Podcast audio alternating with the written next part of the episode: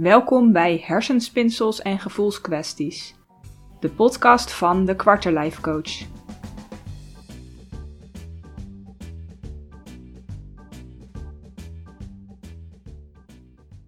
Mijn naam is Daphna Bontebal en ik hou heel erg van metaforen.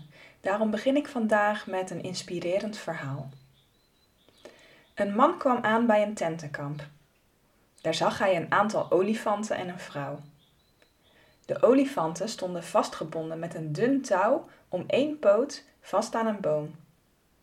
Geen kettingen, geen kooien, helemaal niks, enkel dat dunne touw. Breken die olifanten zo niet los? vroeg de man aan de vrouw. Olifanten kunnen met één ruk die hele boom uit de grond trekken. Waarom trekken ze dat touw niet los? Nou, dat is simpel, zei de vrouw. Wanneer ze klein zijn, worden ze met een touw aan hun poot vastgebonden. Ze proberen dan uit alle macht vrij te komen. Maar hoe ze ook aan het touw trekken, het lukt ze niet. Ze zijn op dat moment gewoon nog te klein en nog niet sterk genoeg. Al snel leren de kleine olifanten dat ze niet weg kunnen komen. Ze geven hun pogingen dus op. Ze geloven dat ze het toch niet kunnen. Deze overtuiging verankeren ze in hun brein. En wanneer ze dan groter worden, kunnen ze natuurlijk makkelijk het touw lostrekken of zelfs die hele boom met één ruk uit de grond trekken. Maar ze zijn er ondertussen zo van overtuigd dat ze dat niet kunnen. Ze weten gewoon niet beter dan dat het touw sterker is dan zij. Dus proberen ze het niet meer en blijven ze trouw op hun plek staan. Hun geloof in het niet kunnen heeft gewonnen. Zo komt het dat een simpel touw een olifant op zijn plek kan houden. De olifant heeft zichzelf aangeleerd om niet eens een poging te wagen. De man kon zijn oren niet geloven.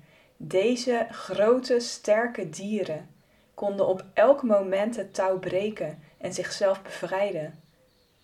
Maar ze bleven waar ze waren, omdat ze geloofden dat ze het niet konden.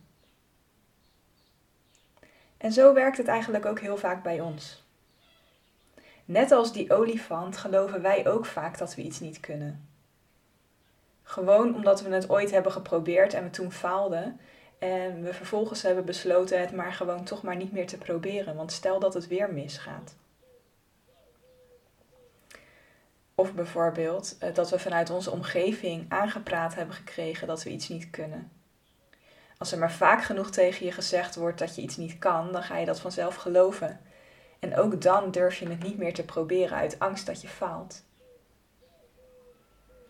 En wat je kan leren van dit verhaal, tenminste wat ik eruit haal, is ehm, dat het zo zonde is, zeg maar, om vast te blijven houden aan die oude overtuigingen. Dat wat je ooit hebt geleerd in het verleden, dat wat ooit is misgegaan, je bent nu niet meer de persoon van toen. De situatie is nu ook niet meer als toen.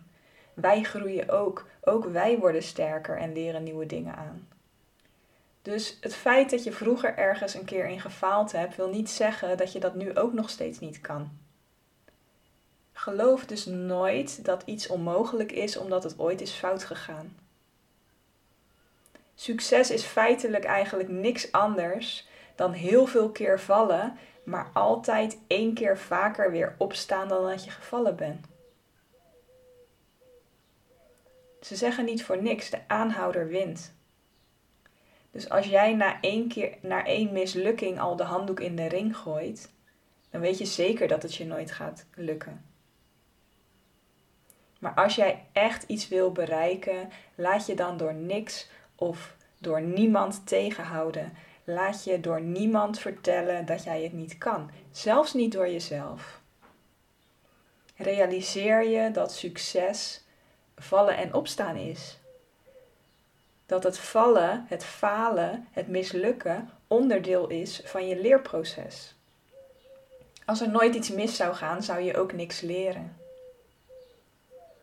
Dus laat je daardoor niet uh, van de wijs brengen eigenlijk.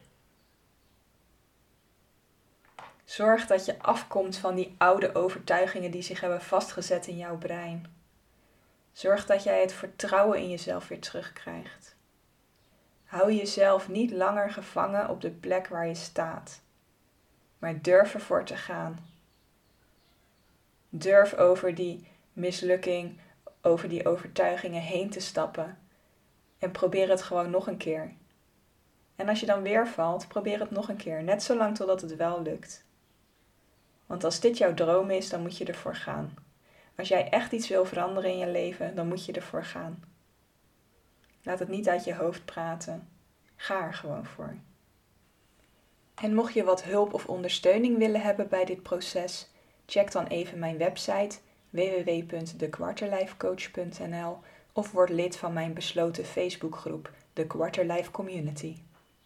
Ik hoop dat dit inspirerend voor je was en graag tot de volgende keer.